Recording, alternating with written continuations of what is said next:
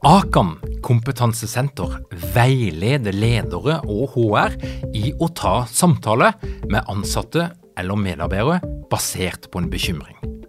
Akan setter ledere og medarbeidere i stand til å forebygge og håndtere en problematisk bruk av alkohol, narkotika, legemidler, spill eller doping blant ansatte. Ønsker du å lære mer om god forebygging og gjennomføring av samtale med en som du er bekymra for? Da kan du nå få tilgang på Akan sitt digitale samtalekurs til spesialpris, kun 760 kroner. Målet med kurset er å gjøre deg tryggere i det som kan være en krevende, men viktig samtale å ta i lederrollen.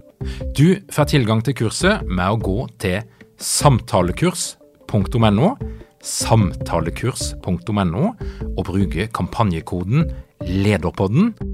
Tilbudet gjelder ut april.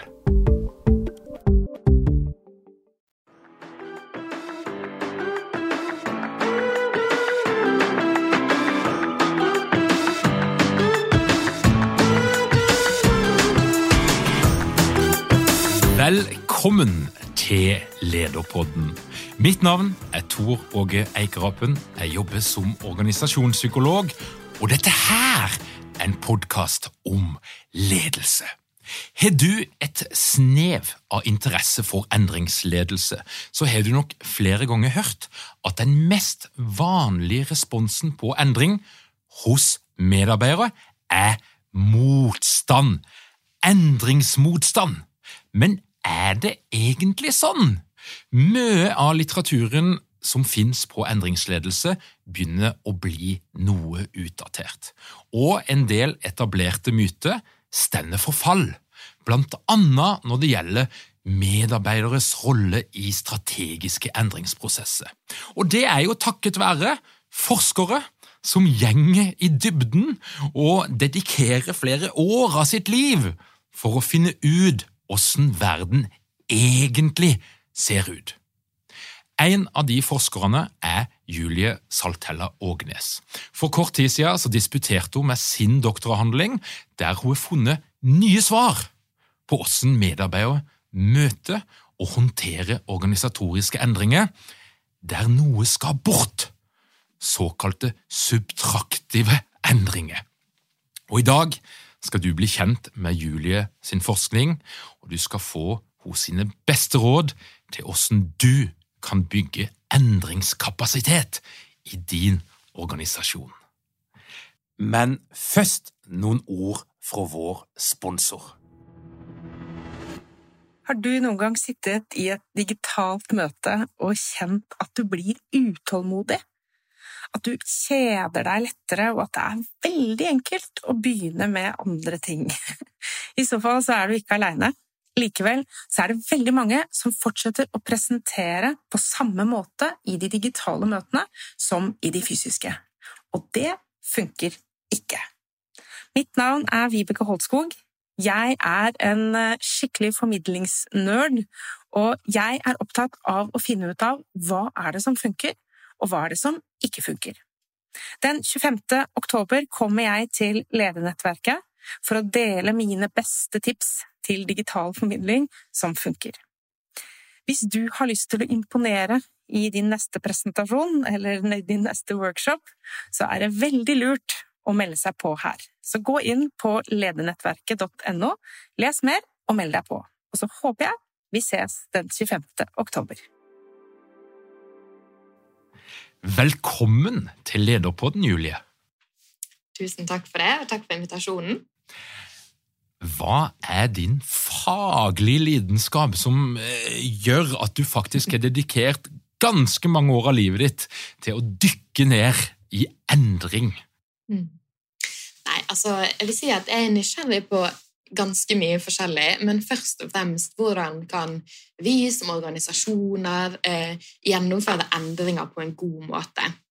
Og det jeg er nysgjerrig på da, eller har vært nysgjerrig på, er hvorfor kan det noen ganger være at endring er kjempegøy, motiverende og det glir lett, og andre ganger kan det virke som en lang oppoverbakke. Eh, Og disse følelsene eller disse reaksjonene på endring kan jo være så, så forskjellige bare internt i en gruppe eller internt på en avdeling. Så hva, hva skal egentlig til for å, for å, få til endring på, på en god måte? Og det har jeg vært nysgjerrig på gjennom doktorgraden min, og jeg vil si at jeg fortsatt er nysgjerrig på det, selv om jeg kanskje har noen flere svar nå enn det jeg hadde før, før jeg startet. det. Men hvordan, hvordan ramla du inn i dette her? For dette her er jo et eh, sært tema. Det er nisje, og i det hele tatt å, å, begå en doktorgradsavhandling, det er jo ikke for hvem som helst. Hvordan, hvordan oppsto dette her? Altså, Jeg vil jo ikke si at det er så veldig sært eh, tema, da. Nei, men eh, det startet vel eh, egentlig helt tilbake til da jeg begynte å skrive masteroppgave på, på NHH. Jeg skrev om meningsdannelse eller sensemaking i strukturelle endringsprosesser. Mm. Og samtidig som jeg var ved det masteroppgaveløpet, så opplevde jeg en del endringer på jobben som deltidsansatt på et kundesenter. Og da ble jeg så fascinert over hvordan jeg på ene siden kunne sitte på skole og lese om hva teorien sa, og så var jeg en endringsmottaker på, på, kveldstid på jobb og så liksom, kjente på både følelser og reaksjoner som ikke klarte helt å forklare hvorfor oppsto. fordi at i teorien så skulle det kanskje være annerledes. Så etter jeg var ferdig på master, så følte jeg meg ikke helt ferdig å, å studere, så da hadde jeg et lite friår med organisasjons- eh, og administrasjonsvitenskap på Universitetet her i Bergen. Og Underveis i, i friåret mitt så kom jeg i prat med en studievenninne av meg som også hadde startet på doktorgrad i endringsledelse. Og Vi hadde skrevet masteroppgaver på ganske like tema og hadde hatt samme veileder. Så gjennom eh, Silje, da, som hun heter, og Inga, som har vært veilederen min, så ble jeg inspirert og motivert til å fordype meg enda mer i hva er det som egentlig forklarer hvorfor man eh, ja, kanskje motsetter seg endring eller liker endring på, på, ulike måter. Så jeg var veldig heldig da at det, i løpet av det friåret eh, åpnet seg en stipendiatstilling på, på NHH og på samfunns- og næringslivsforskning hvor jeg ble tilsatt, som jeg fikk sjansen til, til å ta.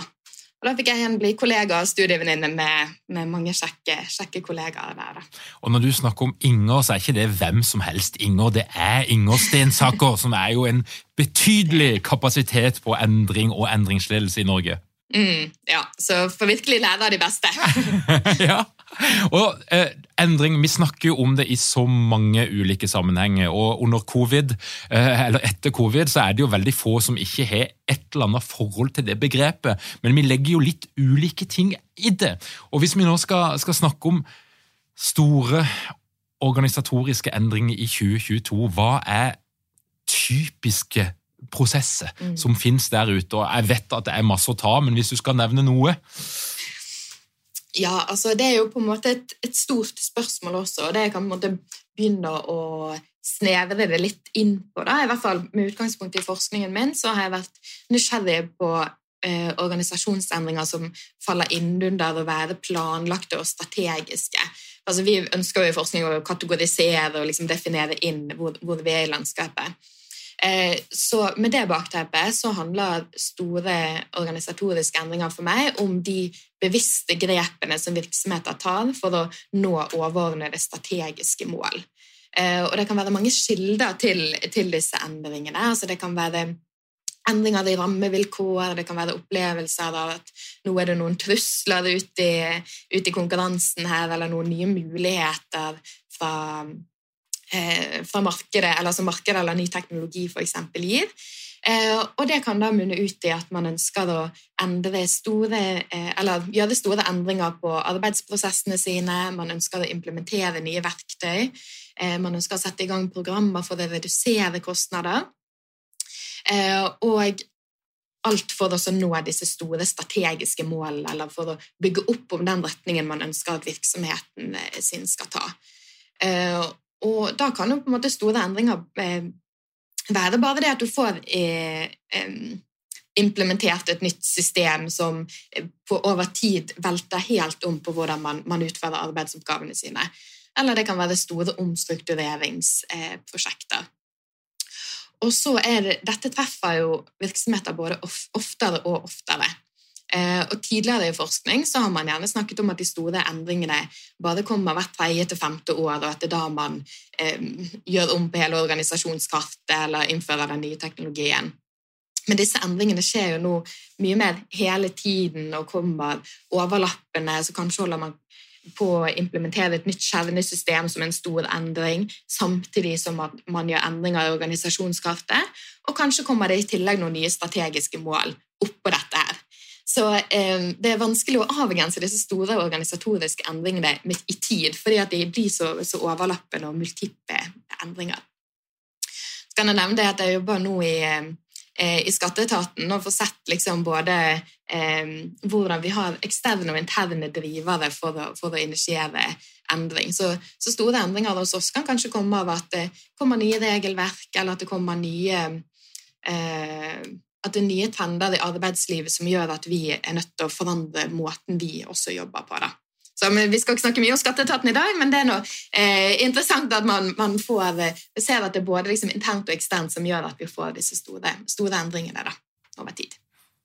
Og jeg synes Det er veldig bra at du nevner skatteetaten, for det er jo den virkeligheten som du nå er i. Og så er vi jo enige om at det kan av og til være litt avstand mellom det en ser med forskerblikket, og det en opplever som en medarbeider i en organisasjon. Men, men eh, denne kategoriseringa er litt sånn nerdete interessert i det. For det, det, det, du snakker om nå, strategiske endringer, planlagte endringer, som gjerne kommer som en respons på et eller annet. Men hvis vi skal tegne opp det der kartet der med ulike former for endringer så Vi har eh, noe jeg vil tenke på som, som reaktiv respons, altså en type krisehåndtering. Nå må vi kutte kostnader. Dette går ikke. Statsbudsjettet har vist at nå får vi ikke penger lenger. Eh, vil du si at det er en egen kategori som er litt sånn på sida? Ja, at de, eh, de reaksjonene på, eh, på, de sjokkene man får, f.eks. når man stengte ned eh, virksomheter pga. korona og var nødt til å finne nye måter å, å, å, jobbe på, eller var nødt til å forholde seg til et helt nytt virkelighetsbilde, vil jo ikke være de planlagte endringene som skal bygge opp om de strategiene man, man har. Men over tid så blir jo det kanskje mye mer en del av planverket i, i organisasjonene. da. Så jeg vil si at den, eh, eh, altså, den korttidsreaksjonen og de endringene som, som, må til for å forholde seg til noe som skjer over natten, eh, kanskje ikke de, eh, de, endringene primært jeg har vært interessert i. Mm. Så de store organisatoriske endringene som, som, jeg har vært mest nysgjerrig på, og som den litteraturen benytter meg mest av, har med seg endringer som skjer i hermetegn med vilje i organisasjonen, hvor det er et rasjonale, som kanskje ikke alltid blir så godt kommunisert, eh, men at det, det, har, det, skal ha en sammenheng med de målene man har i organisasjonen. da. Og så må jeg sjekke ut det med radikal innovasjon. Det er litt på sida av dette her, hvis jeg skjønner det riktig. Altså Det å forandre totalt på, på, på hvilken forretningsmodell man har, eller hvilken målgruppe man retter seg mot osv. Mm. Er, er det riktig forstått?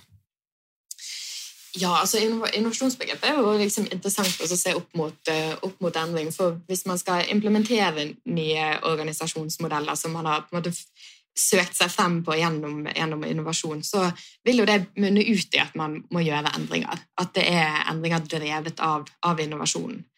Um, så på mange måter kan man jo liksom se på det litt altså Man kan jo bruke mange ulike begreper for å forklare litt de samme fenomenene som skjer, at organisasjonen endrer seg som over tid, så er det kanskje en radikal forandring på, på organisasjonen, og man kan skylde på at det er innovasjon, og så at man kanskje har implementert endringen på en god måte. da. Og så hører jeg jo at det, Vi er litt på sida av det som kalles mer sånn inkrementell forbedring. altså Den der kontinuerlige uh, skruinga der en gjør litt ting litt bedre hele tida. Det er jo noe litt annet enn det du har dykka inn i. Mm. Ja, så på en måte Tradisjonelt så har man også kanskje snakket om at man har eh, en skilt på eh, radikal og inkrementell endring, som er liksom, som du sier, de små tingene man skrur på, til at man får et stort brudd og eh, kaster hele organisasjonskartet opp i luften, og så tegner det på nytt. Um, men når man ser sånne tradisjonelle modeller av dette, har du gjerne at det inkrementelle går som en sånn trappetrinn, og så skjer det radikale som liksom et stort brudd. Så eh, radikale endringer kan også være resultatet av mange inkrementelle endringer.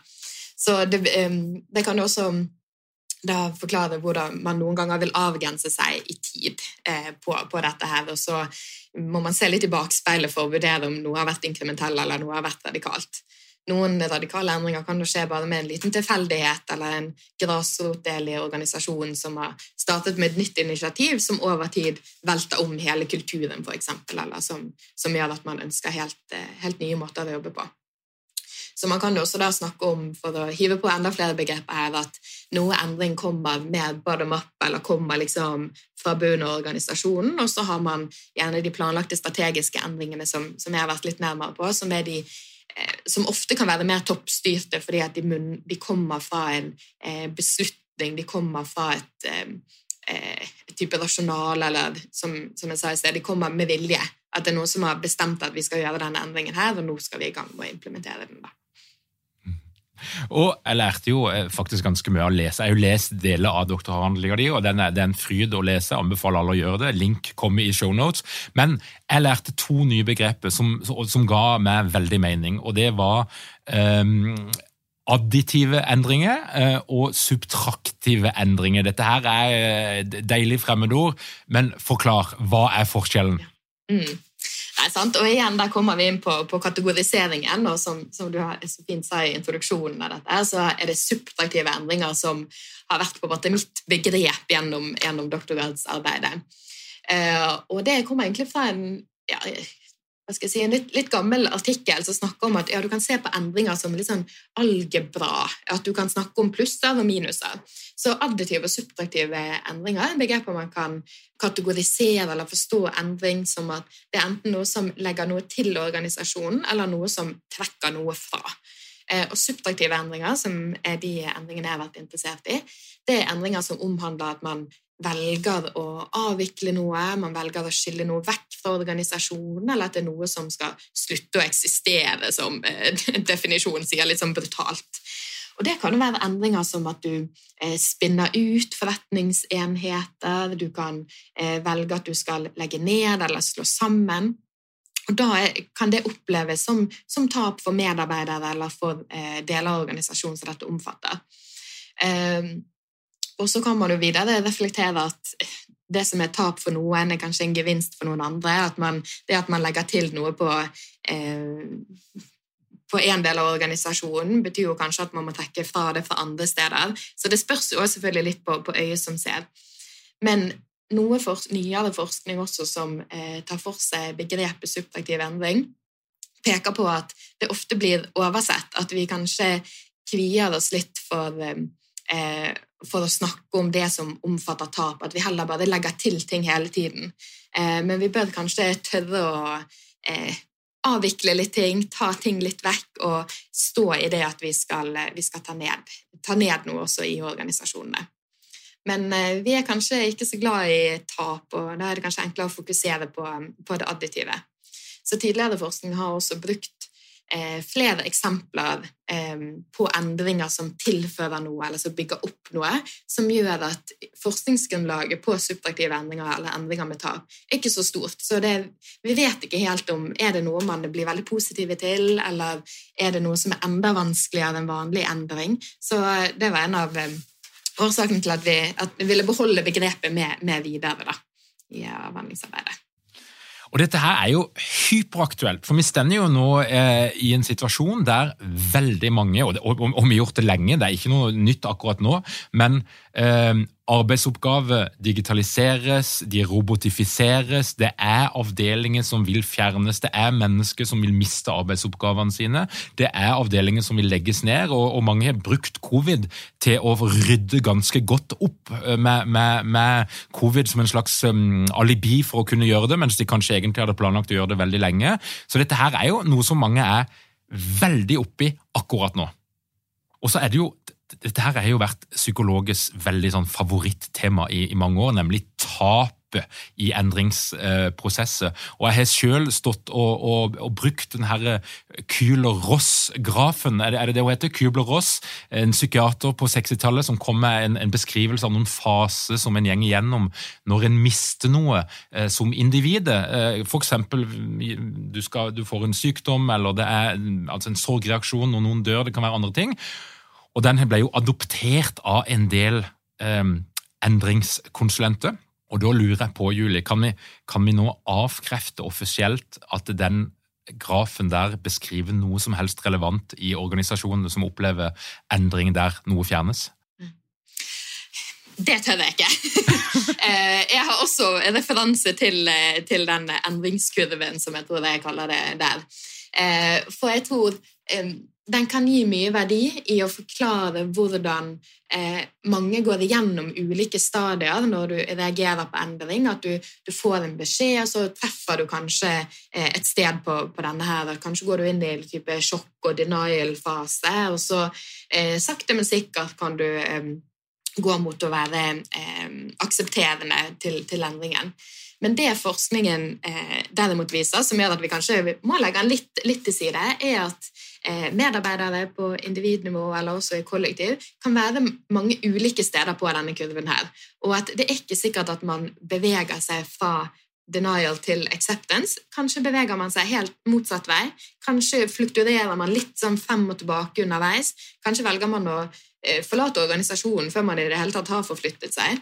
Så um, når den tidligere kanskje har blitt diskutert som at man starter på ett sted, og så over tid og med eh, leders hjelp så beveger, man seg mot aksept, så eh, er det mange eksempler fra forskningen hvor eh, man beveger seg andre retninger, eller hvor man kanskje hopper over noen, noen steg.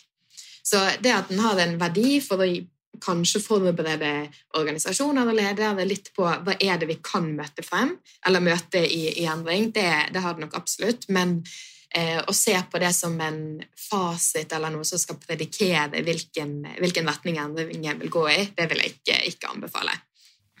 Eh, din oppgave da, den, den, jo, eh, den, den, gjør noe som få har gjort før. for Du, du problematiserer jo dette her motstandsmyten. Altså, Det har jo vært en, en, en, tradisjon, jeg tror det er i ferd med å endre seg, men det har jo vært en tradisjon på at når ledere øh, øh, opplever negative reaksjoner på endring, så er den veldig kjapt med å klassifisere det og stemple det som endringsmotstand. Og endringsmotstand, det liker vi ikke.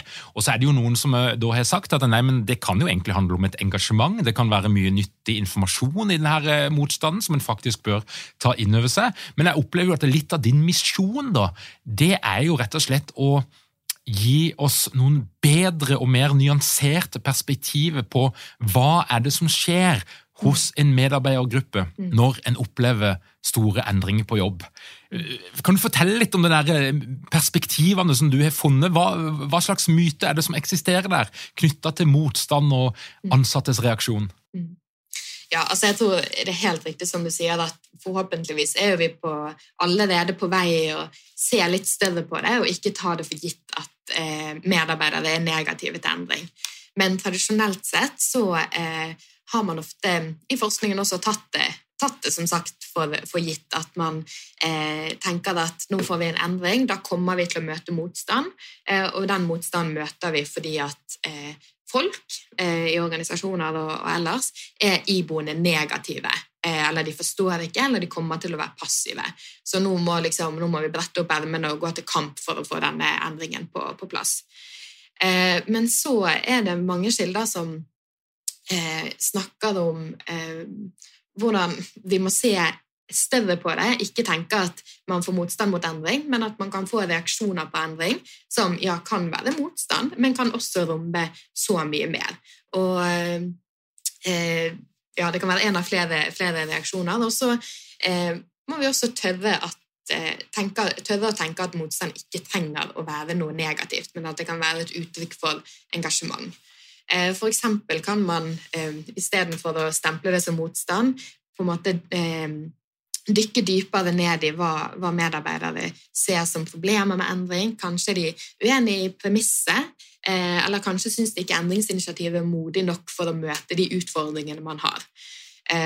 Kanskje syns man ikke at prosessen har vært god nok, selv om endringen virker nyttig. At det kan være så utrolig mange ulike kilder til, til de reaksjonene. Og så ofte vil vi da forstå reaksjoner på endring ut ifra flere faktorer, og tenke at det kan handle både om hva endringen handler om, eller endringsinnholdet, som i mye av mine eksempler er da de subtraktive endringene, eller digitaliseringen eller robotiseringen. Det kan handle om eh, hvordan endringsprosessen er lagt opp. Er dette en prosess som går fort eller sakte? Er den med mye medvirkning? Det kan også være en kilde til reaksjoner. Og så eh, vil også konteksten endringen skjer innenfor eh, og måte individet selv også være med og liksom forme disse reaksjonene man får. da. Så da kan man jo det hen, Og disse spiller jo sammen, så da kan man jo tenke seg det at kanskje er man motstander mot eh, måten prosessen er lagt opp, selv om man er enig i endringen. Og det kan jo føre til at man eh, reagerer enten veldig sterkt med motstand eller man blir passiv. Men tror vi må være litt, litt mer nysgjerrige på, på, hva reaksjonene kommer fra, istedenfor å eh, bygge opp til kamp og forvente at nå skal vi endre noe, da er det bare motstand, så her skal vi liksom sette hardt mot hardt. Så eh, kan det hende at man lager seg noen helt andre forventninger enn det man, det man faktisk møter. Eh, hvis man hadde vært litt mer nysgjerrig og se på hva, hva som faktisk dukker opp når man initierer en endring. Og Du har gått inn i en bransje som har gjennomgått vanvittige store endringer de siste 15 årene. Eh, der en da for 15 år siden drev med skranke og bankbok og den slags, eh, til nå å være ganske digitalisert. Eh, og jeg snakker om bank- og finansnæringa, der du har vært innom så vidt jeg skjønt, tre forskjellige ulike organisasjoner. De er både forskjellige og ulike, tenk det. Hva er det som kjennetegner denne bransjen og, og de organisasjonene som du har vært i? Mm. Nei, altså jeg synes Bank- og finansbransjen har vært utrolig spennende å få ha et lite dypdykk i. Eh, som, som, jeg nevnte innledningsvis, så var jeg i studietiden på et kundesenter i et forsikringsselskap, som også jeg tenker er en del av, eh, en del av den bransjen. Og dette er jo virksomheter som eh, tradisjonelt sett over lang tid har hatt en stor betydning i, eh, i samfunnet vårt, men som har blitt truffet av eh, så masse ulike typer endringer med digitalisering og sentralisering og eh, nye kundebehov. Um, så det gjør at det er utrolig mange interessante utviklingstrekk å, å peke på. da. Men spørsmålet ditt var kanskje litt mer på hva som kjennetegnet akkurat de spesifikke organisasjonene som, som jeg hadde vært inne i. Um, og det har da vært eh, tre norske, norske, banker som har vært eh, eh, med i en av artiklene mine, og så er det én bank som har vært med i flere av artiklene og vært litt mer overbyggende i, gjennom hele avhandlingen. Og det jeg har sett som, som, er likt på, på tvers av de, uavhengig av størrelse, er at de på ene siden sitter og skal håndtere eh, den digitale transformasjonen i, ja, i, samfunnet og i bransjen, med at de får, kan få nye internasjonale konkurrenter. Eh, kundene forventer at alt er tilgjengelig via en app. Eh, ja, underveis i, i forskningstiden min så kom PSD2, som også liksom ble sett på som en stor trussel, men også mulighet i, i bransjen, med at man kunne åpne og få kontoinformasjon fra eh, Ja, jeg kan gå inn i det, nettbanken min eller i appen min og se hvor mye jeg har på konto i flere banker. Um, og så har man, ja, man har all, alt dette nye som skjer, som man gjerne må investere eh, nye midler i. Man trenger ny kompetanse internt. Du trenger kanskje flere IT-hoder enn eh, folk som kan vurdere om du skal få lån eller ikke. Så du, du trenger ny kompetansesammensetning internt. Samtidig som du har med deg den historikken av å være eh, det bankkontoret hvor eh, bestemor kan komme og sette inn penger eller ta ut penger for å gi eh, i konfirmasjonsgave til barnebarna. Så du har hele denne historikken med deg også på en del funksjoner som du kan avvikle noen av, men som du ikke kan avvikle alle av. Eh, så liksom, bankene må balansere det å bli mer kostnadseffektive i den manuelle driften som de må beholde, samtidig som de må satse eh, på å holde seg konkurransedyktige fremover. Og det setter eh, store hva skal jeg si, krav til interne endringer da, på hva, hva er det folk i bankene eh, skal jobbe med, hvordan skal de jobbe, og hvordan skal de holde tritt med den utviklingen som skjer, og sikre at de server behovene til, til kundene og til samfunnet rundt. da. Og så har du sett på to konkrete endringer som, som, har foregått i de her organisasjonene, i tillegg til at du har gjort en liten vurdering av HR sin verktøykasse. Men, men hvilke to typer endringer er det som du har gått inn i? Mm. Ja, altså, Som sagt så har jeg vært interessert i liksom, ja, hva er det endringer som, som kan ha noe med tap å gjøre. Eh, så det første eh, jeg var nysgjerrig på, var hvordan medarbeidere eh, forholdt seg til endring hvor arbeidsoppgavene deres ble flyttet til utlandet. Så det er en del av um, det å jobbe eh, en del av endringene i arbeidsprosessene i, eh, i den organisasjonen det gjaldt, hvor de eh, effektiv, ville effektivisere litt og bli mer kostnadseffektive, og så dra nytte av kanskje rimeligere arbeidskraft eller nye måter å jobbe på andre steder.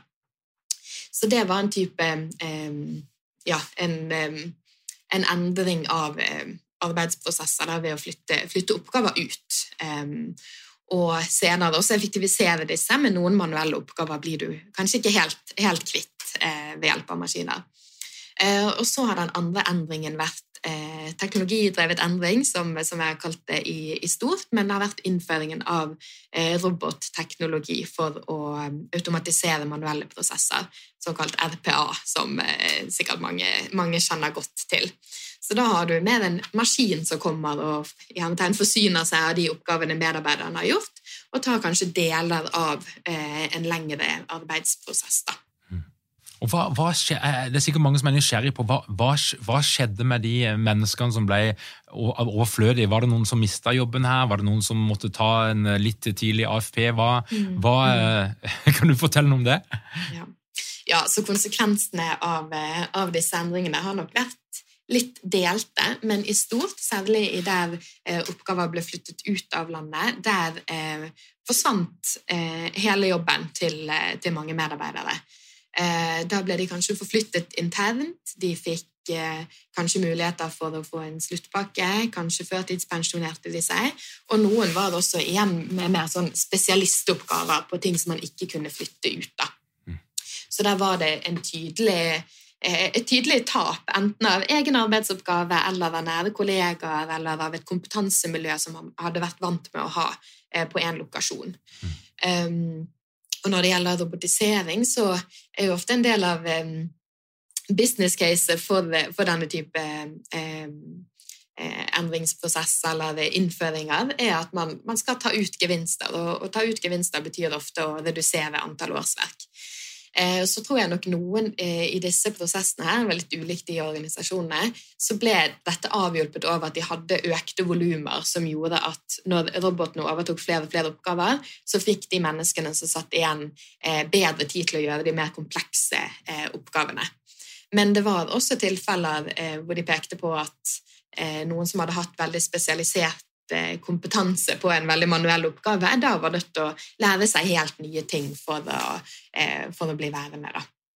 Så det kan, noen, det kan, ha noen, tydelige konsekvenser på en type nedbemanning, uten at det var motivet bak, bak de endringene, sånn som jeg skjønte det. Så Det høres jo ut som noe som kan, type endringer som kan oppleves som ganske dramatiske for de som er midt i det. Altså Kompetansen din er faktisk ikke viktig lenger. Du må lære deg noe helt nytt, eller du må finne deg en helt ny jobb. Men, men hva slags hypotese var det du gikk inn her med? Hva var det du trodde på forhånd? Hva, hva trodde du at du skulle se? da? Altså, Jeg trodde at det skulle være så dårlig stemning, eh, så jeg var, litt, jeg var veldig spent når jeg skulle inn i jeg har, eh, Måten jeg har samlet informasjon på, er at jeg har hatt mange intervjuer og snakket med disse som har vært berørte av endringene. Eh, så jeg husker jeg mannet meg eller kvinnet meg godt opp i forkant av intervjuene og tenkte sånn, hva er det jeg kommer til å få høre nå? Og hypotesene mine var jo at dette kom til å være Er dykken mange ledere uten trening eller utdannelse innen ledelse? Mangler dykken en felles kultur og praksis for ledelse?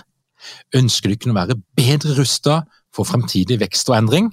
Da kan et internt lederutviklingsprogram være en god investering. I Execu så er vi eksperter på å designe og gjennomføre bedriftsinterne lederutviklingsprogram. Hvis du ønsker å lære mer om hvordan vi kan hjelpe dykken til å få enda bedre ledere, ta og klikk deg inn på execu.no.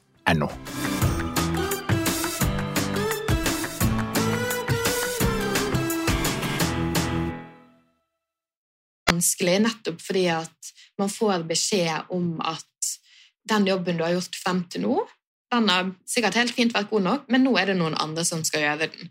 Nå er det noen medarbeidere et helt annet sted som, som skal gjøre den oppgaven du har gjort. De skal kanskje gjøre den bedre, eller de gjør den billigere. Så det er jo liksom en, eh, en beskjed de må forholde seg til. Og på teknologien så er det også det, ja, det er en robot, en maskin som kan gjøre jobben det like godt som deg. Så derfor trenger vi ikke deg mer. Det er jo liksom de tankene som, som jeg i hvert fall hadde i forkant, og så jeg føler som er det narrativet vi gjerne hører også liksom i, i populærvitenskapen, at nå kommer eh, roboten og tar over alle jobbene. Men det medarbeiderne på kryss og tvers pekte på, var hvilken verdi de også hadde inn i disse prosessene her. Så i arbeidet med å flytte oppgaver til, til utlandet, så eh, var de veldig bevisste på at ja, det var ikke det at de hadde gjort eh, en dårlig jobb med de oppgavene, men nå skulle man jobbe det på en annen måte. Eh, og da kunne de, disse medarbeiderne i Norge eh, ha en utrolig viktig rolle i å sikre at alt ble overført, og at de, en, de kunne lære seg noe nytt gjennom å bidra i opptreningen. Og når det gjaldt robotene, så var det jo bedre medarbeiderne ble kjente med både mulighetene og begrensningene til teknologien, så kunne de eh, på en måte måle sin verdi opp mot roboten sin verdi. Og se ok, roboten kan være kjempeflink på de puncheoppgavene som vi får fysisk vondt av å sitte en hel dag og trykke på, på, på tastene. Eh, så kan robotene være gode på det, og så kan jeg som medarbeider være god på å løse de sakene roboten ikke får til. Eller jeg kan følge med på, på det roboten skulle gjøre.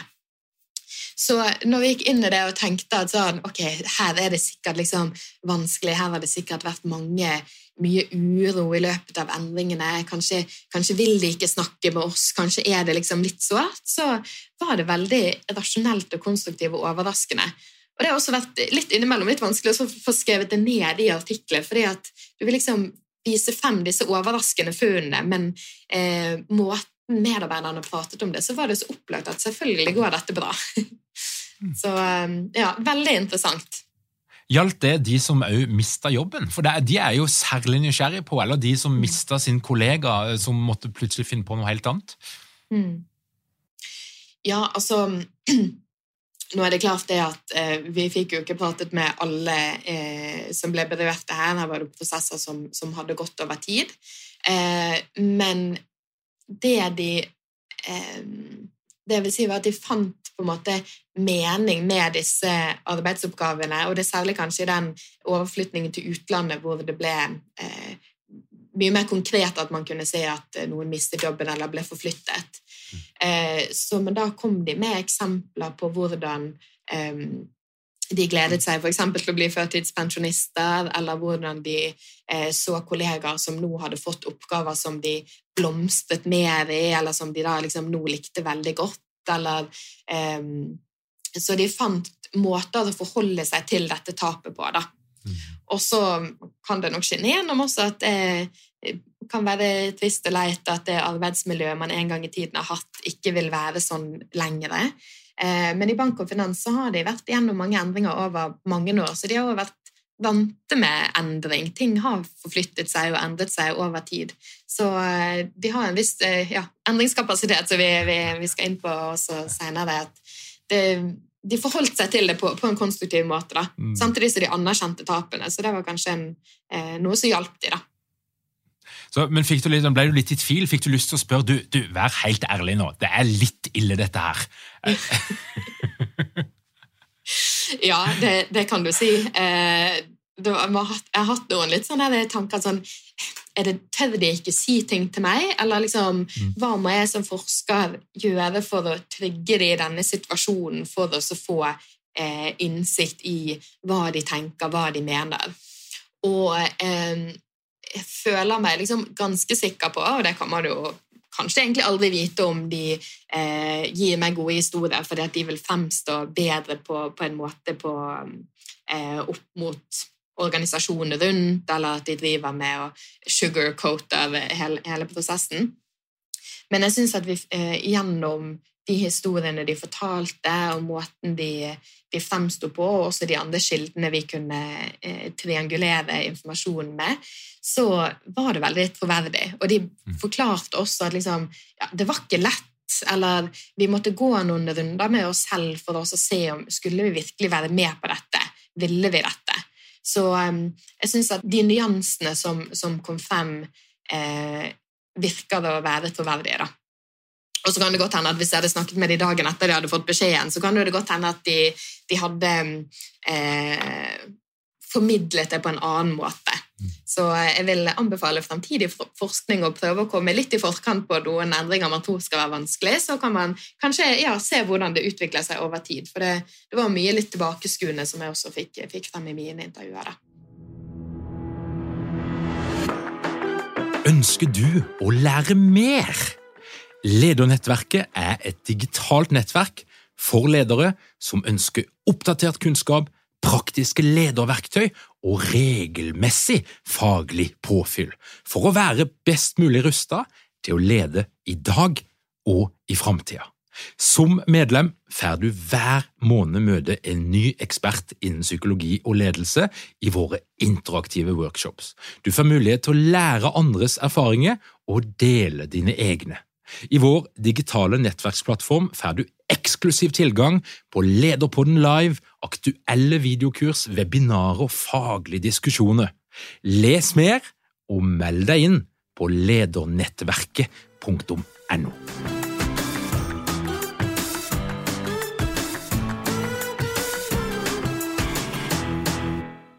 Hvis vi tenker på ledelse, det å gjennomføre og planlegge denne type endringer, hva er suksesskriteriet? Hva, hva, var det de her organisasjonene tydeligvis lykkes med? Mm. Ja, det er, er vil jeg si er ganske sammensatt, eh, og heldigvis for det. holdt jeg på å si, for det, betyr at det kan være mange ulike grunner til dette. her, og um, Organisasjoner som også ikke har en lang historikk med å være gode på endring, kan jo også se om de finner noen, eh, noen nyttige elementer å ta med seg videre fra det. Eh, men de, altså mitt hovedfokus har vært på liksom hvordan ansatte selv eh, tar en rolle i disse endringene, hvordan de har funnet mening med det. Eh, og det de på medarbeidernivå, eller fra det medarbeiderperspektivet jeg har hatt, så har jeg sett at de medarbeiderne forklarer endringene gjennom at de forstår rasjonalet for det, de ser det som et ledd i strategien, de får en viss emosjonell tilknytning til endringen, enten de som erstatter de, eller den nye teknologien, eh, og at de også ser noen muligheter fremover. Og disse reaksjonsmønstrene blir jo støttet opp om det eh, lederen og organisasjonen rundt tilrettelegger for. Så det er skapt noe sånn endringsmottagelig miljø, eller receptive context, tror jeg kaller det i den, den ene artikkelen. Eh, og det som er liksom de knaggene, hovedknaggene vi kanskje kan henge det opp på, er måten eh, lederen og organisasjonen bidrar til å skape mening eh, inn i endringen.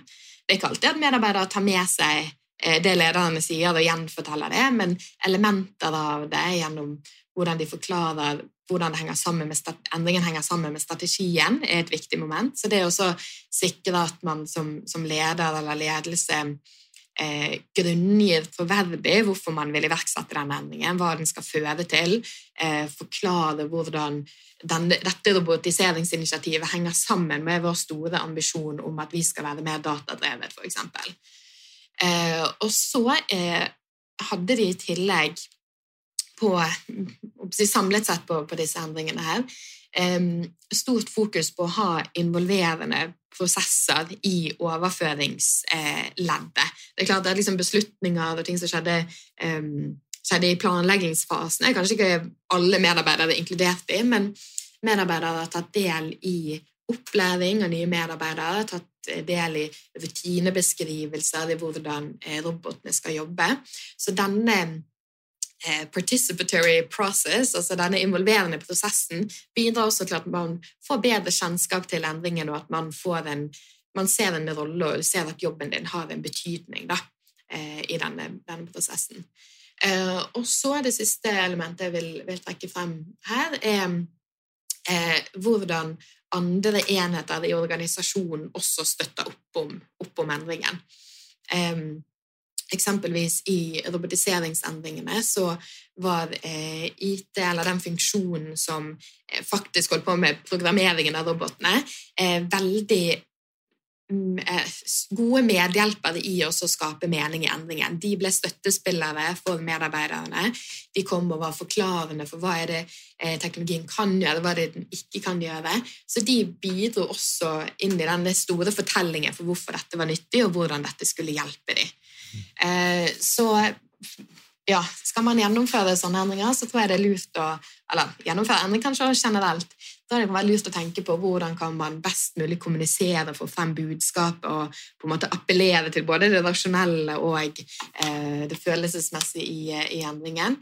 Men også se på hvordan man kan involvere, hvordan man kan eh, kanskje bygge opp om at dette er en mulighet for medarbeidere å se på det som en karrierevei videre. Hvis man hjelper til her, så kan man hjelpe til neste gang, og så plutselig har man skapt seg en helt ny jobb se at det er noen utviklingsmuligheter gjennom å delta. Eh, og så som sagt det siste, at man sikrer at andre enheter også går i takt.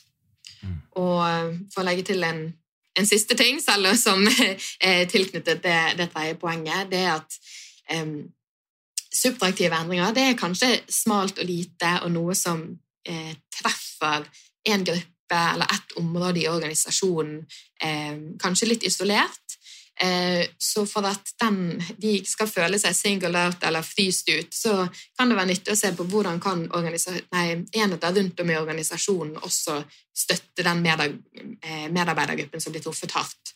Eh, for Parallelt med de subtraktive endringene så kan man jo oppleve at andre steder i organisasjonen rekrutterer opp for å gjøre alt det spennende.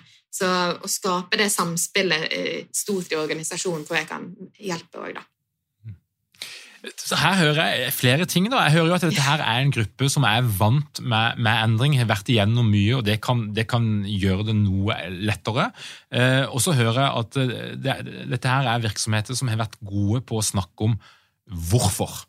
Så Da er vi tilbake igjen til, til Kotter, altså det å skape noen troverdige historier om hvorfor skjer dette her, som folk er i stand til å forstå. Um, mm. Og så sier det noe om, om involvering. Uh, en reell involvering som ikke oppleves som en skinnprosess, men der de faktisk må bruke sin kompetanse for å bidra. Mm. Ja, det er jeg helt enig i. Og det er jo på en måte både interessant og eh, ja, jeg skal ikke si overraskende, men at det koker ofte ned til en noen liksom sånn ganske enkle, enkle, grep, eller veldig kjente grep. At man må skape en forståelse. Kanskje må man ikke alltid skape en kriseforståelse, som Kotta prater om. Det er slitsomt å gå i krise hele tiden hvis man tenker at organisasjoner skal implementere endring overlappende. Men det er altså jeg tror at en av de største nøklene til suksess er den felles forståelsen og ha et um, gjennomgående fokus på det og se um, Eh, ja, at det kan gi gode resultater. Da. Mm. Og så har du beskrevet dette her eh, flotte eh, begrepet endringskapasitet. Og, og, det er jo òg ei bok som heter det, eh, skrevet av bl.a. Inger Stensaker. Men du, du, er litt inne i HR du, og ser litt hva slags verktøykasse er det HR bruker for å bygge en såkalt endringskapasitet over tid. Og Det er jo et poeng i den tida vi lever nå, at endringene de kommer ikke til å ta slutt. Dette her er, Det går ikke over. Eh, og da må en kanskje tenke litt mer langsiktig enn bare den enkelte endringa som foregår akkurat nå. Mm. Hva fant du? Ja, altså Endringskapasitet det eh, definerer jo vi eh, også som eh, altså den evnen man har for å balansere endring og daglig drift på en måte som ikke skader, eh, ikke skader fremtidige endringer.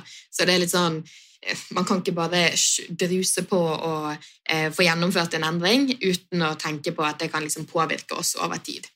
Eh, så Inger Stensaker og Kristine Meyer, som er medforfattere på, på Endringskapasitet-artikkelen, som også har skrevet den boken du, du refererer til, eh, har ofte kalt det en muskel som man kan trene. At endringskapasitet er en muskel som man eh, systematisk over tid kan trene på å bli bedre, sånn at i de tilfeller man skal endre seg, som nå er mer og mer og oftere og oftere, så har man kapasitet man kan leverage, eller som man kan, kan dra nytte av. da.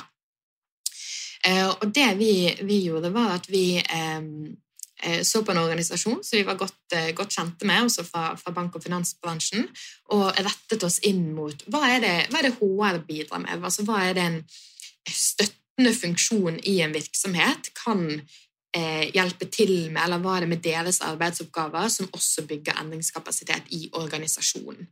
Um, og så kan man snakke om endringskapasitet, at det er muligheten til å frigjøre ressurser. og Det kan være litt mer sånne harde, harde ting, men vi var mer interessert i liksom, hvordan bygger det også det i medarbeidergrupper eller hos ledere. Så da eh, definerer vi at eh, Eller basert på det eksempelet vi hadde, så hadde HR en verktøykasse med fire hovedrom, hvis jeg skal dra den verktøykassemetaforen helt ut. Men at HR hadde eh, rutiner og prosesser i verktøykassen sin som var rettet mot medarbeidere, som var rettet mot ledere, eh, som handlet om eh, regelverk og rutiner. Eh, og eh, den fjerde tingen var at det også handlet om hvilket samhold de hadde med andre interessenter i organisasjonen. Eh, skal jeg forklare litt hva som ligger i de fire? Ja, ja. ja kjør på. Ja, ja. Um, sant? Så det eh, som eh, eh, Ja. På, med fokus på de ansatte, som er liksom den første, eh, første, vi går inn på, så så vi det at HR kan eh, gjennom ulike rutiner og prosesser igjen styrke ansattes evne til å håndtere endring, og at det er noe som også bygger endringskapasitet. Så det kan handle om hvilke, eh, hvilke kompetanseutvikling man har, hvilke kurs er det man, man tilbyr organisasjonen, hva er det man setter fokus på. Eh, fordi at det i tur kan gi trygghet når endring utfordrer dagens arbeidsmetoder. Og begge endringene vi har snakket om eh, i dag, det er jo endringer som endrer noe med et arbeidssett som kan eh, utfordre liksom, den profesjonelle identiteten mange medarbeidere sitter på. At de mister liksom sånn Men jeg kunne denne oppgaven så godt, hvordan skal jeg nå forholde meg til det? Er man systematisk på å bygge kompetanse, på å utvide repertoaret medarbeidere har, så kan man i møte med endring også være mye tryggere på at man kan gjøre andre oppgaver. I tillegg hadde virksomheten også strukturer for intern mobilitet, altså enklere å forflytte medarbeidere. Og så I tillegg hadde de i hvert fall historisk bruk av sluttpakker og eh, muligheter for omskolering med støtte av eksterne, eh, eksterne tilbud. Da. Så opp mot ledere så er det eh, litt likt òg at man hadde fokus på lede, eh, lederutvikling eller ledelsesutvikling for å bygge endringsledelseskompetanse. Altså styrke og trygge lederne i å stå i den rollen for å lede, lede endring. Eh, og strukturer som HR-partnere, eller liksom at HR-medarbeidere var tette på lederne og enklere da kunne fange opp eh, hva ledere kanskje sliter med, eller hva de trengte mer trening i. Det er ikke alltid man ser selv hva man, hva man, kan bli bedre på. Men også at HR kunne være tidlig på når det begynte å bli snakk om endringer, og sikre at man ikke blir eh, inkludert i siste minutt for å være den, eh, den støttefunksjonen som skal sikre at man ikke får rettssaker når medarbeideren må endre seg, men at man kan være rådgivere hele veien til lederne. Eh, og så når det gjelder den, den tredje tingen, er regler og rutiner som HR bidrar med eh, inn i verktøykassen. Og det eh, er i stor grad det at HR har en eh, stor i å forvalte en del liksom, arbeidsgiveransvar, og at man eh, kanskje er de som ivaretar en del av rekrutteringen. Sånn, så man har en, en, rekke ting som er innom HR. Eh, og kan HR bruke denne rollen som den gatekeeperen de er på ulike prosesser, også inn for å skape endringskapasitet? Og da peker vi på at gjennom rollen i rekruttering så kan HR også bistå med å kanskje holde igjen i hermetegn stillinger eh, til eh, når det skal skje store eh, omorganiseringsprosjekter, f.eks., sånn at man vet at man har en meny av eh, andre jobber å stille opp med når medarbeidere opplever at andre jobber forsvinner. Eh, og i tillegg eh, kan omstillingsrutiner og regelverk som blir fast, eh, fastslåtte og er tilgjengelige for medarbeidere å søke opp i, også skape en trygghet og en forutsigbarhet når man vet at eh, nå skal det i gang med en endring. Da er det disse trinnene her, og HR ivaretar denne prosessen på en god måte. At det også bidrar til å redusere usikkerheten på, på hva som skjer videre. Eh, og det siste verktøyet eh, det handler om å være allierte med andre i organisasjonen. Det er nå, nå er jeg relativt ny på HR-feltet, som har jobbet i HR i et år og skrevet denne her artikkelen. Men eh, man kan tradisjonelt også lese om liksom, HR trenger the seat at the table, HR må være med, må være mer strategiske. Mm. Og eh, det å være allierte med andre organisasjoner er et ledd i nettopp det. Altså At HR må være tette på hva er det som eh, hva er det ledelsen sitter og beslutter på, hva er strategien, hvor skal vi på vei? Og gjennom å være tett i dialogen med, med, andre funksjoner i virksomheten, så styrker det også HRs rolle som eh, strategiske partnere. Det gjør at HR kan være tidlig på for å komme med relevante kompetanseutviklingstilbud, eh, at de er tidlig på å eh, lete etter riktig kompetanse når man rekrutterer, eller rekrutterer på nye, gode måter. og det, ja, det kan skape liksom eh, skaper på en måte en troverdighet eller en felles agenda i organisasjonen at HR er, er med. da. Så det var de, de, fire verktøyene vi fant i den verktøykassen. og ja. ja. Det høres ut som de her organisasjonene de, de, de, er, de er, velfungerende. Altså Det høres ut som det, dette, her er, dette her er organisasjoner som, som, er sånn som vi ønsker at de skal være. Mm. Ja, og så, så, er det jo kanskje liksom andre Det er jo nesten litt så skummelt hvis ting blir for positivt. Så er det sånn igjen, som vi snakket om i sted, hva er det vi ikke har fått vite, eller hva er det vi overser i, i dette arbeidet?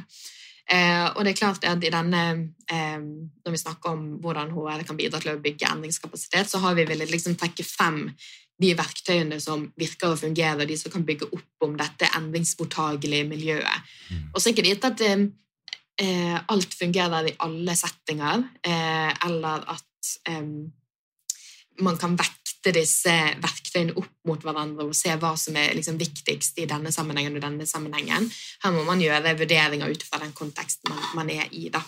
Mm. Men eh, eh, norske banker er jo det er mange som er eh, godt trent i å forholde seg til, til endring og er eh, tradisjonsrike virksomheter som har eh, motstandsdyktige medarbeidere. Og kanskje også eh, sterke fagforeninger og sterke medarbeidere som også er med å forme disse prosessene som gjør at de blir levelige for mange. Da. Mm. mm. Og så vet jeg at mange HR-ledere der ute de elsker at du sa det, det siste her, for det, at det er et tema i mange organisasjoner. Skal HR være en del av ledergruppa, eller skal det ikke det? Og noen gjenger litt sånn inn og ut. Men mm. det du sier, er rett og slett at det å ha HR i ledergruppa tett på de viktige beslutningene, er en sikker vei for å bygge endringskapasitet.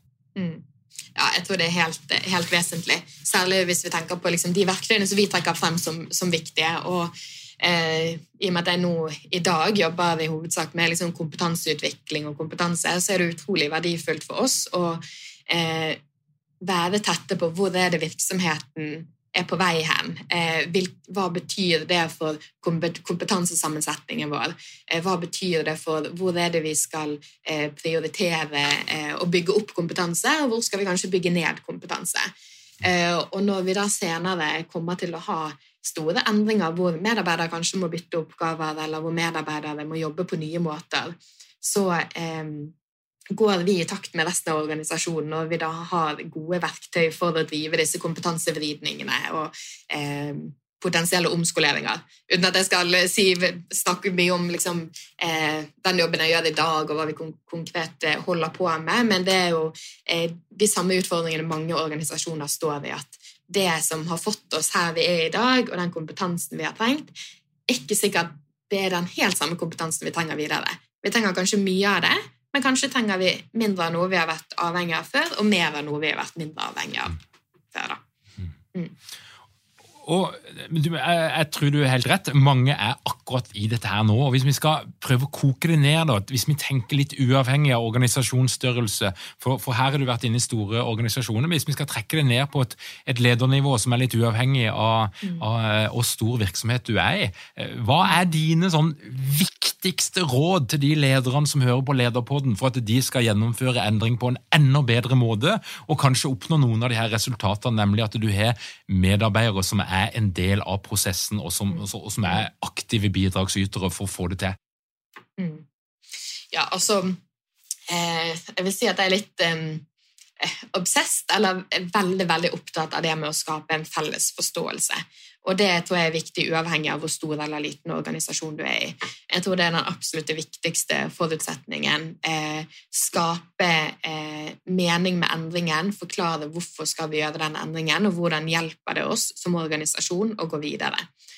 Eh, og jeg tror at det selv i tøffe endringer kan bidra til at medarbeidere er med på dette. Eh, jeg tror det var en en av respondentene mine som sa en gang, som var med å lede en, en avvikling av en funksjon, som sa det at liksom, mottoet deres var at dette skal være den beste avviklingen denne organisasjonen har sett. Altså, De lagde det som liksom, sin kampsak at dette skal være det beste, og vi feiret hver gang en medarbeider hadde fått seg en ny jobb internt eller eksternt. Så var det sånn Yes, nå, nå er vi enda bedre på, på, vei for å lage dette til den beste avviklingen ever. Eh, og det å, så det å finne en, en finne meningen med endringen eh, gjennom å diskutere hva er intensjonen, hvilke mål forsøker man å oppnå. Og så må man kanskje sette hardt mot hardt og si at hvis vi ikke klarer det, den, dette endringsprosessen, så er det ingen som kommer til å ha jobb om to år. Altså Hvis vi ikke lykkes med eh, å vri kompetansen i organisasjonen, eller lykkes med å implementere denne eh, nye teknologien, så ja, så var det kanskje gøy for deg som fikk eh, noe, eller den lille gruppen som fikk ha jobben sin i to år til, men så er det litt mindre gøy for resten, som da blir skadelidende på sikt. Så særlig kanskje i, i offentlige virksomheter er det kanskje ikke et veldig godt argument, for det er jo eh, som jeg sa før vi begynte, det er ingen andre skattemyndigheter som skal inn og ta skatteetaten sine oppgaver. Men eh, for mange virksomheter så er nok det kanskje et reelt, eh, reelt, problem at hvis man ikke implementerer endringene, så er det ingen som kommer til å ha jobb der om tre år. Um, og så skal man ikke skape nødvendigvis den kriseforståelsen hele tiden, men å sette det i en større sammenheng, sette det i liksom den strategiske konteksten og få liksom det rasjonelle bildet på plass og ha liksom en vanntett eh, historie, ha et budskap som er, som er troverdig. Eh, og også være åpen for at dette her er vanskelig, dette er tungt, dette er eh, endringer som kan utfordre identiteten vår gjennom, gjennom løpet men likevel holde liksom på den felles forståelsen og dyrke den, den frem. Ja. Nå, nå, kan du gjenta spørsmålet hvis jeg ikke helt har svart på det, for nå følte jeg gikk ut på en uh, tangent her. Ja. Nei, det er, helt, det er helt, perfekt. Dette her, er, dette, her var, dette her, var, oppskriften på å gjennomføre endringer på en god måte. og jeg tenker at uh, det er Uavhengig av størrelse på organisasjonen, så er de her elementene ekstremt aktuelle. Er det, er det, noe som jeg ikke har spurt om, Julie, som du har lyst til å melde ut til alle de lederne som uh, lytter på Lederpodden? Ja, altså um, Et av favorittelementene mine med, med doktorgraden, som vi, vi har vært, vært, inne på, altså, men det er eh, hvordan ansatte kan ta en aktiv rolle i endring.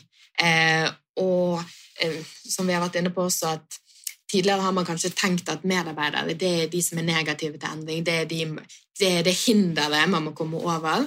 Men jeg håper at eh, vi som og virksomheter i det ganske land kan tenke at dette medarbeidere er den store ressursen vi har. Vi må ta dem med på endring, vi må finne måter å involvere dem på, sånn at medarbeidere også får en sjanse til å finne en mening og finne sin rolle i endring. Og Gjennom mine eksempler så har vi sett at medarbeidere eh, uoppfordret kan ta en rolle som veldig viktige bidragsytere, kan bli endringsagenter gjennom, gjennom endringen, selv om de i tradisjonell forstand er endringsmottakere.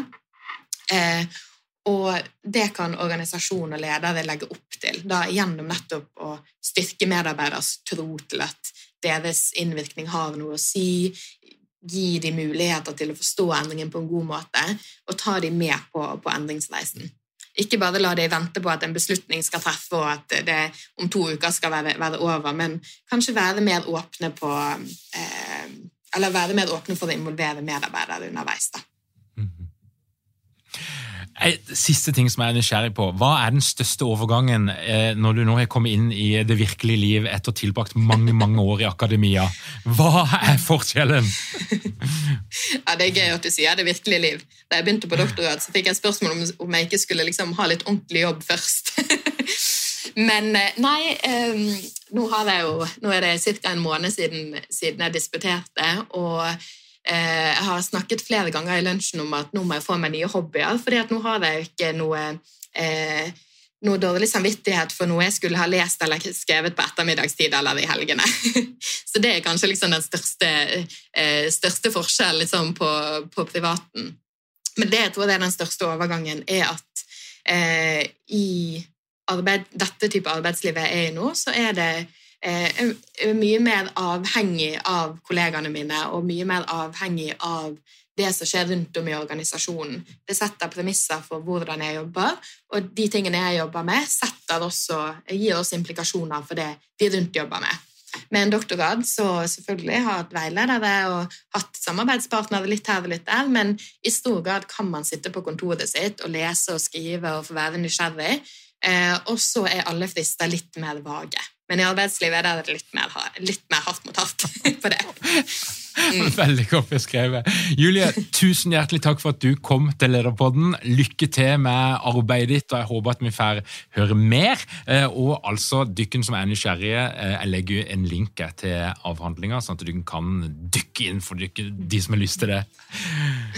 Til deg som hører på Lederpodden, hvis du har lyst til å få med deg alt som skjer i vårt lederunivers, gå inn på lederpodden.no. Legg igjen din e-postadresse, og du får vårt nyhetsbrev hver eneste fredag. Og hvis du har spørsmål, kommentarer, innspill, ting som du ønsker at vi skal ta opp, ja, så er det mulig å sende en e-post til hei at execu.no. Hei at execu.no, eller gå inn på våre Facebook-sider facebook.com slash lederpodden og send oss en melding. Og så er vi faktisk klare for å ta imot spørsmål som vil bli besvart på lufta. Eh, anonymt, hvis du ønsker det. Så uansett hva du skal gjøre for noe, så er det kjekt å starte med å gå inn på lederpodden.no. Og husk, for deg som vil lære mer, vi har et nettverk, det er digitalt, og du får faglig påfyll hver måned. Du finner ut mer på ledernettverket.no. Takk for at du hører på Lederpodden. Vi høres igjen om ei uke.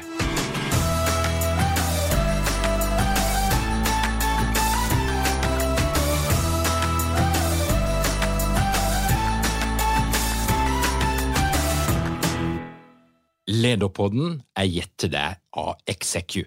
Vi tilbyr leder- og ledergruppeutvikling som gir effekt. Les mer på execu.no.